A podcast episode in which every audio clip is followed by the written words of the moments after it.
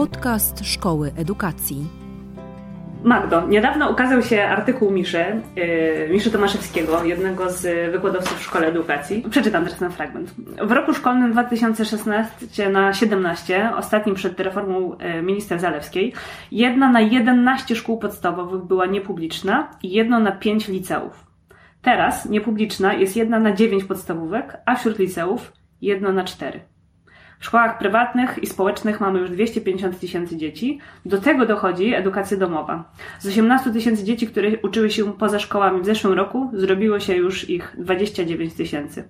Tylko w jeden rok. O ucieczce z publicznego systemu edukacji prawie wcale się nie mówi. Magdo, porozmawiajmy o tym w takim razie. Porozmawiajmy o tym. Ja nie mam wrażenia, żeby się o tym nie mówiło, ale znowu my jesteśmy w bańce edukacyjnej, w której to jest gorący temat i bolączka od dobrych paru semestrów. My tu w semestrach liczymy, nawet nie w latach szkolnych. Mm, myślę, że po pierwsze ważne jest, jak patrzymy na te dane, żeby zauważyć, że o ile odsetek dzieci w systemie niepublicznym się zwiększył i liczba szkół się istotnie zwiększyła, to w liczbach bezwzględnych tych dzieci w szkołach niepublicznych jest tyle samo. To w ogóle jest teraz trudno policzyć w tych rocznikach, w których jesteśmy, dlatego że tam są te wahnięcia związane z likwidacją gimnazjów, z dwiema ścieżkami i z kroczącymi przez system sześciolatkami cały czas. W związku z czym te dzieci, one się tak dziwnie dodają między rocznikami i w gruncie rzeczy bardzo trudno jest to taki jednoznaczny obraz i to sobie trzeba liczyć od dołu, zadając szczegółowe pytanie do tej prywatyzacji i dlatego bardzo trudno jest to tak, e, tak omawiać, ale na pewno problem jest. Dlaczego to jest problem, ta postępująca prywatyzacja edukacji? O tym za chwilę.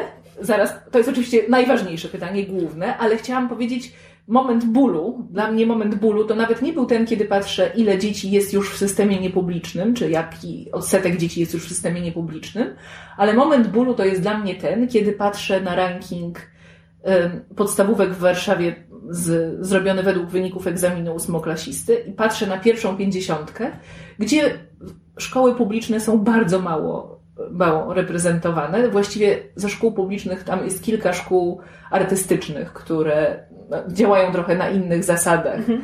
niż, niż normalne szkoły podstawowe. I chyba są ze dwie albo trzy szkoły takie rozpoznawalne, a poza tym są w zasadzie szkoły niepubliczne. To oczywiście rok do roku się zmienia. I czy teraz, czy to, co, co, to nam, co to nam mówi i o czym? Nie mówi nam to o tym, jak pracują te szkoły. Oczywiście. Natomiast mówi nam, bo, bo w ogóle egzamin ósmoklasisty o tym nie mówi, jak pracują szkoły. Jest kiepską miarą jakości pracy szkoły. Natomiast e, to jest taki kłopot oczywiście selekcyjny. To znaczy, szkoły publiczne są zasadniczo szkołami dostępnymi dla każdego, poddanymi bazowo rejonizacji, chociaż są różne patenty, którymi tę rejonizację się obchodzi i różne sposoby, w które te szkoły się różnicują, także że przestają być dobrą reprezentacją społeczeństwa, już nie mówiąc o tym, że także rejony pod względem takim socjoekonomicznym się od siebie różnią. Oczywiście. Także, e, ale co do zasady, to, to są szkoły, które mają wszystkich, w związku z tym jak liczymy szkolną średnią z egzaminu ósmoklasisty, to ta średnia w szkołach publicznych jest odpowiednio niższa niż gdyby była niż byłaby w szkole, w której możemy wybrać sobie uczniów jeżeli, jeżeli to robimy. Dlatego to jest, to jest wynik bolesny, ale też nie, nie, nie mówi nam nic, co mogłoby nas prawdziwie przejąć i wyznaczyć nam kierunki, kierunki do pracy. Natomiast dlaczego prywatyzacja w ogóle jest problemem? Byłam ostatnio na wykładzie Passiego Zalberga. Passi Zalberg to jest autor fińskiego sukcesu edukacyjnego. Jeden z tych, jeden z twórców fińskich reform i bardzo znany autor i ekspert edukacyjny, już trzecie, trzecie wydanie takiej książki Fińskie lekcje publikował, teraz są Fińskie lekcje 3.0. I on między innymi mówi o tym, mm, czego można się od Finlandii nauczyć, a czego nie. W sensie, jakie cechy fińskiego systemu są kulturowe i sprawiają, że jeżeli, nawet jeżeli będziemy je mechanicznie powtarzać, to nic z tego nie wyjdzie. I o co tam chodzi tak naprawdę? Wiele zresztą też mówi o tym, jak ten fiński cud edukacyjny jest nadużywany, to znaczy jak jest używany do tego, żeby sprzedać różne swoje pomysły. Są różne błędne koncepcje na temat Finlandii które, i fińskiej edukacji, które są powielane. Ale ja nie o tym, ja o tym, że gdy Pasi Zalberg mówi o tym, że przekaz tego fińskiej, tej fińskiej reformy był taki, że każda szkoła ma być dobrą szkołą. Czyli nie był o tym, że każde dziecko ma prawo do dobrej szkoły, albo że każde dziecko może sobie wybrać dobrą szkołę, tylko o tym, że niezależnie od tego, do jakiej szkoły chodzi nasze dziecko, to ta szkoła ma być dobra. No, to jest fundamentalna różnica. I teraz my wkładamy od transformacji właściwie bardzo dużo wysiłku w to, żeby nasze dzieci miały wybór.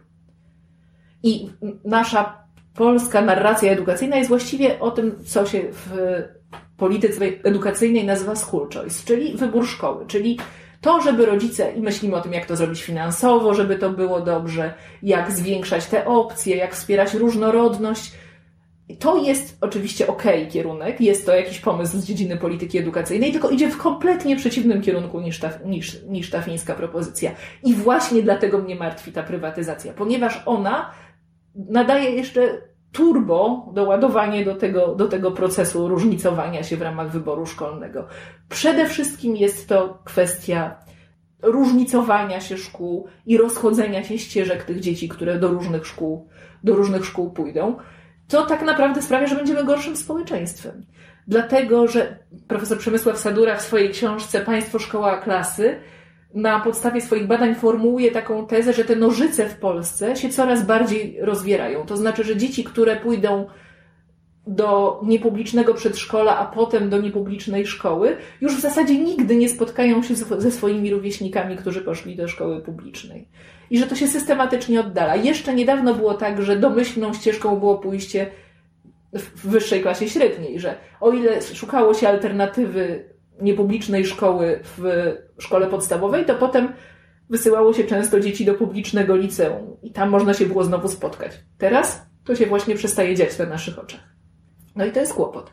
Pytanie, czy chcemy żyć w takim społeczeństwie, które kompletnie nie ma szans nawet nie zrozumieć, bo to nie chodzi o zrozumienie, ale o wyobrażenie sobie, jak żyją inni. No, mówimy tutaj o pewnym rozwarstwieniu społeczeństwa, w którym rozumiem, będzie coraz ciężej nam się dogadać na różnych płaszczyznach, nawet jeżeli będziemy mówić o tym samym problemie, czy, czy o tej samej um, jakiejś e, kwestii społecznej. Tak. Nie, nie potrafię tu przytoczyć w tej chwili żadnego konkretnego badania, ale wydaje mi się, że jest szeroki konsensus dotyczący tego, że do rozwoju lepsze jest środowisko zróżnicowane. W związku z tym. Niż e, homogeniczny. tak, niż homogeniczny. tak, tak, tak. W związku z czym na różne sposoby powinniśmy szukać tej, tej różnorodności. E, I o ile w sferze ideowej czy intelektualnej przychodzi nam to łatwo, o tyle w takiej sferze, którą brzydko nazwałabym ją klasową, jest to dla nas mniej oczywiste i oczywiście trudne. Bo to znaczy też, że jako rodzice będziemy mówić trochę innym językiem o swoich dzieciach, będziemy eksponować inne potrzeby swoich dzieci, będzie nam naprawdę trudno się dogadać, ale to jest wspaniałe ćwiczenie z demokracji bezpośredniej. Właściwie jedyne, jakie nam zostało, chociaż może trochę wspólnoty mieszkaniowe jeszcze e, robią tę robotę, ale no, jako matka, która no, wciąż jeszcze ma dzieci w szkole publicznej, muszę tak. powiedzieć, że rozmowy z innymi rodzicami to naprawdę jest, czuję się jak w Atenach codzienny poligon demokracji. Ale tak uważam, że prywatyzacja, e, uważam, że prywatyzacja jest problemem. Tym bardziej, że e, my w tej dyskusji o wyborze szkoły e, zdecydowaliśmy się na to, że de facto pieniądze idą za uczniem. To znaczy, że państwo w poważnej części finansuje uczniów także w, szkole, w szkołach niepublicznych. Mówimy tutaj o subwencjach. Tak. Tak, czyli um, tych pieniędzy jest mniej niż kiedyś. Z tego co wiem od y, osób prowadzących różne szkoły niepubliczne, nie da się w zasadzie utrzymać szkoły za samą subwencję, ale um, to, jest, to są pieniądze, które idą za uczniem. W związku z czym, biorąc pod uwagę, że finansujemy ten system, to zawsze musimy sobie zadawać pytanie, czy tak właśnie chcemy. I powiedziałaś o tej klasowości w y, kontekście edukacji. To jest coś, o czym y, mówił Bourdieu swego czasu. Czy możesz przybliżyć jego koncepcję? Powiedziałabym, że to, co Pierre Bourdieu, czyli taki francuski socjolog, politolog i filozof przede wszystkim, który nie żyje już od wczesnych lat 2000, był rocznik 30 i stosunkowo późno zaczęliśmy go w Polsce tłumaczyć i czytać. Wydaje mi się, że dopiero w latach 90 mm, wniósł, to jest takie oczywiste dzisiaj dosyć poczucie, że edukacja może być nie tylko narzędziem zmiany społecznej, czy windą społeczną, która pozwala osiągnąć więcej w życiu, ale może być też mm, takim systemem, który sprawia, że reprodukujemy strukturę społeczną, czyli że nie można się wyrwać z własnej klasy społecznej i Bourdieu e, w gruncie rzeczy dość pesymistycznie naszą wiarę w edukację temperuje, mówiąc, że na różne subtelne i często ukryte sposoby klasy wyższe pokazują miejsce klasom niższym i właśnie zamykają ich na tych niskich piętrach struktury społecznej, używając do tego szkoły i jeszcze na dodatek wtedy te klasy niższe wierzą, że to dlatego, że na to zasłużyły. Także to jest pod, podwójnie pesymistyczna wizja. My coraz więcej wiemy o mechanizmach nierówności edukacyjnych, nierówności rozumianych jako to, że ludzie z różnym kapitałem, co też jest pojęciem w sensie kapitału kulturowego Bourdieu, ale e, coraz więcej wiemy o tym, że, że szkoła nie wyrównuje tak dobrze szans, jakby nam się wydawało, z wielu różnych powodów. Teraz, jak mamy e, różne możliwości badania ludzkiego mózgu i kształtowania się ludzkiego mózgu, to na przykład wiemy, że znacznie, że, że, że, że pewna część możliwości poznawczych czy architektura mózgu jest różna w zależności od tego, czego doświadczają dzieci w swoich rodzinach na wczesnym etapie rozwoju, gdzieś powiedzmy do czwartego roku życia. Y, I że te połączenia nerwowe się inaczej tworzą po prostu. Y, no i to że zależy od tego, w jakich warunkach się wychowujemy, jak stymulują nas nasi rodzice, jakim językiem do nas mówią. Y, no i to jest bardzo duże źródło nierówności i na razie dzisiaj nie potrafimy odpowiednio ciężkich dział wytoczyć w szkole, żeby temu przeciwdziałać, ale jednak dużo możemy. Y, I no, nie chciałabym tu zabrzmieć przesadnie pesymistycznie, natomiast praktycznie rzecz biorąc w szkole to, to dla mnie jako osoby zajmującej się edukacją i dla mnie jako nauczycielki, nauczycieli oznacza zadawanie sobie zawsze pytania, czy jestem po dobrej stronie. To znaczy, czy, czy to, co robię, jest otwarte na każdego ucznia i każdą uczennicę? Czy daje szansę uczenia się i rozwijania osobom, które mają różne doświadczenia i właśnie mówią różnym językiem i lubią różne rzeczy? To może, to, to może znaczyć, że czasem właśnie upraszczam język, którym mówię. To może znaczyć, że poświęcam więcej czasu osobom, które tego bardziej potrzebują. To może znaczyć, że odwołując się do doświadczeń, wybieram takie doświadczenia, o których wiem, że mogą być udziałem moich uczniów, nawet jeśli nie są moim własnym udziałem. To są wspaniałe przykłady uczniocentryzmu, o którym rozmawialiśmy w ostatnim odcinku. Tak, tak, chociaż muszę powiedzieć, że z perspektywy Bourdieu to wszystko jest żałośnie mało. Z perspektywy sprawiedliwości w szkole, a jeszcze jak właśnie jak wrócimy do tej, do tej prywatyzacji, to, to ja oczywiście rozumiem tę reakcję. To, to nie jest tak, że chcę powiedzieć, że że to jest zły wybór posłać własne dziecko do szkoły, do szkoły niepublicznej, czy jest złym wyborem pracować w szkole niepublicznej, bo oba te wybory świetnie rozumiem w trosce o siebie, w trosce o własne dzieci, w trosce o ich zrównoważony rozwój, w trosce o ich zdrowie psychiczne, w trosce o ich potencjał. Wszystkie te wybory rozumiem. Po prostu przez moment wyobrażając sobie, że jestem politykiem edukacyjnym czy polityczką edukacyjną, to chciałabym budować taki system, w którym nie ma takiej potrzeby. I chyba o to chodziło Pasiemu Zalbergowi. Czyli rozumiem, że chciałabyś taki, taki system, w którym e, wyniki z egzaminu ósmoklasisty z języka angielskiego nie mają rozkładu dwumodalnego. Tak. Tak, z angielskim jest oczywiście największy problem, tak? Bo angielski jest, to, to w ogóle jest ciekawy case sam w sobie. To cieszę Możesz się, opowiedzieć coś tak, cieszę się, że, że to powiedziałaś. Ja nie pamiętam teraz, czy to pytanie dotyczy egzaminu ósmoklasisty, czy, czy matury.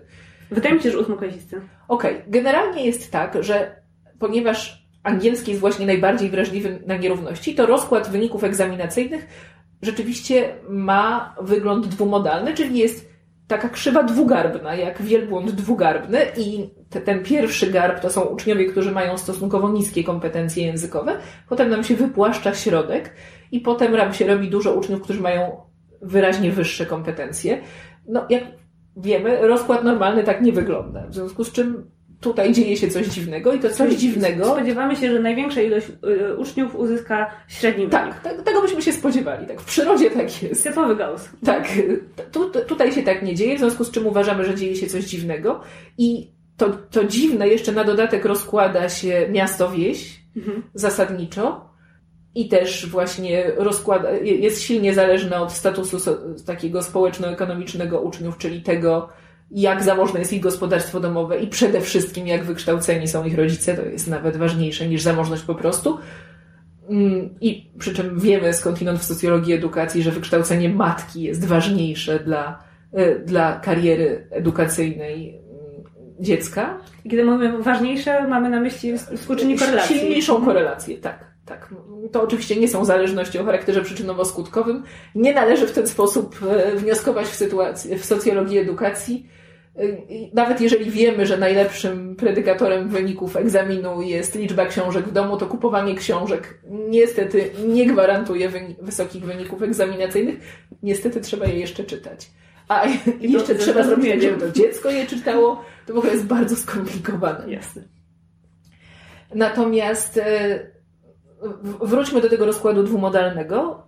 To, co się tu dzieje, to, jest to, dodat to są dodatkowe prywatne inwestycje w uczenie angielskiego. Czyli nawet nie chodzi o korepetycje, Chodzi przede wszystkim o to, że standardowo dzieci w klasie średniej są od razu od małego posyłane na dodatkowy angielski poza szkołą. Jakie to ma konsekwencje? Po pierwsze, szybciej rozwijają swoje kompetencje językowe, ale po drugie, zdejmują presję ze szkoły na uczenie, na, na uczenie angielskiego. Rodzice przestają pilnować tego, żeby ten angielski dobrze się toczył w szkole. Bo i tak mają to zabezpieczone gdzie indziej. W związku z tym traktują to jako takie lekcje niskiej stawki i aż do egzaminu właściwie to napięcie, to napięcie im schodzi. To jest najbardziej niepokojący mechanizm. Jeżeli zabieramy klasę średnią z systemu, to ci rodzice przestają pilnować go i walczyć o różne rzeczy, i się starać, i wymyślać, mieć inicjatywy, zgłaszać wycieczki, cokolwiek oni robią, mniej lub bardziej konstruktywnie, to przestają to robić. I to jest kłopot. Ta, ta dodatkowa prywatna inwestycja to jest ta druga warstwa prywatyzacji, nie ta oczywista, o której mówimy, polegająca na przenoszeniu się uczniów do systemu niepublicznego, do szkoły niepublicznej, czy do szkół alternatywnych, to jest w ogóle osobna rozmowa, tak, ale do, duże nowe zjawisko ale ta druga warstwa prywatyzacji to są korepetycje i właśnie prywatne nauczanie. I teraz to jest oczywiście kłopot, dlatego są duże programy wyrównawcze skierowane do tych obszarów, na których wyraźnie gorzej jest tą nauką angielskiego, właśnie po to, żeby rozwijać znajomość angielskiego w tych miejscach. To nie jest szczególnie nowa idea. Tak działał Korpus Pokoju jeszcze w głębokim PRL-u żeby właśnie wysyłać nauczycieli angielskiego ze Stanów, native speakerów w takie miejsca, chociaż dzisiaj wiemy, że może nawet ważniejsze niż, ważniejsze niż ekspozycja na native speakera jest ta warstwa metodyczna. To znaczy, naprawdę nie wystarczy dobrze znać angielski, żeby umieć go uczyć. Zresztą to jest coś, co bardzo w pandemii, wydaje mi się, zostało uświadomione sobie przez wiele osób, że to, że ktoś potrafi policzyć jakieś zadanie z matematyki, tak z mojego podwórka, wcale nie oznacza, że potrafi swojemu dziecku wytłumaczyć, w jaki sposób to zadanie policzyć. Ja w ogóle myślę, że pandemia na różne sposoby dowartościowała edukację. Kiedy musieliśmy Znowu pewnie nie wszyscy rodzice, wiemy, że nie wszyscy rodzice się zajmowali edukacją swoim, swoich dzieci w czasie pandemii, ale jako, ci, ci, jako ci, ci rodzice, którzy mieli to doświadczenie, wiedzą, że to wcale nie jest tak łatwo zajmować się edukacją swoich dzieci. A ja, moje dziecko było w edukacji wczesnoszkolnej w pandemii i muszę powiedzieć, że śledzenie lekcji dla 25 pierwszoklasistów online naprawdę jest to jedno z tych ćwiczeń, w których myślę sobie, że nauczyciele żywcem idą do nieba. Jasne, jasne. Y, ja jeszcze chciałabym, e, Magda, nawiązać do jednej e, sprawy, mianowicie... A czy ja mogę jeszcze wrócić do tego angielskiego A, na chwilę? Bo ja tu miałam jeszcze jedną ciekawą rzecz do powiedzenia, bo przez to, że angielski jest takim ważnym narzędziem selekcyjnym, to mówiłyśmy trochę o tym, jak, e, o tym różnicowaniu się szkół, o tym rozchodzeniu się systemów. Oczywiście nie jest tak, że całą klasę średnią, zwłaszcza w czasach inflacji, kryzysu, stać na posyłanie dzieci do szkół niepublicznych, zwłaszcza jeśli tych dzieci mają więcej. W związku z tym są też różne sposoby hakowania tego systemu publicznego przez klasę średnią.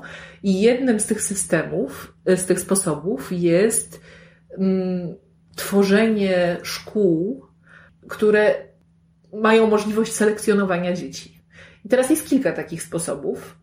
To się pewnie częściej dzieje w miastach niż poza miastami, ale takim klasycznym miejskim sposobem na to jest tworzenie klas językowych po szóstej klasie, takich, albo które odtwarzają strukturę dawnego gimnazjum, mhm. albo klas sportowych, bo to wszystko są klasy wyjęte z rejonizacji, mhm. E, z, dodatkową, z dodatkową selekcją, przy czym sportowe e, z dodatkową rekrutacją. Sportowe jeszcze opierają się akurat na predyspozycjach sportowych, czy na testach sprawnościowych, które, które się rozkładają w miarę normalnie w populacji, no bo niby dlaczego nie. Natomiast e, jeżeli chodzi o testy, tam nie można robić egzaminów językowych sensu stricto, to znaczy takich, które badają poziom znajomości języka, ale do tych klas często prowadzi się testy predyspozycji językowych, które oczywiście opierają się na wcześniejszym treningu, także na takim treningu językowym, w ogóle umiejętności językowych z domu.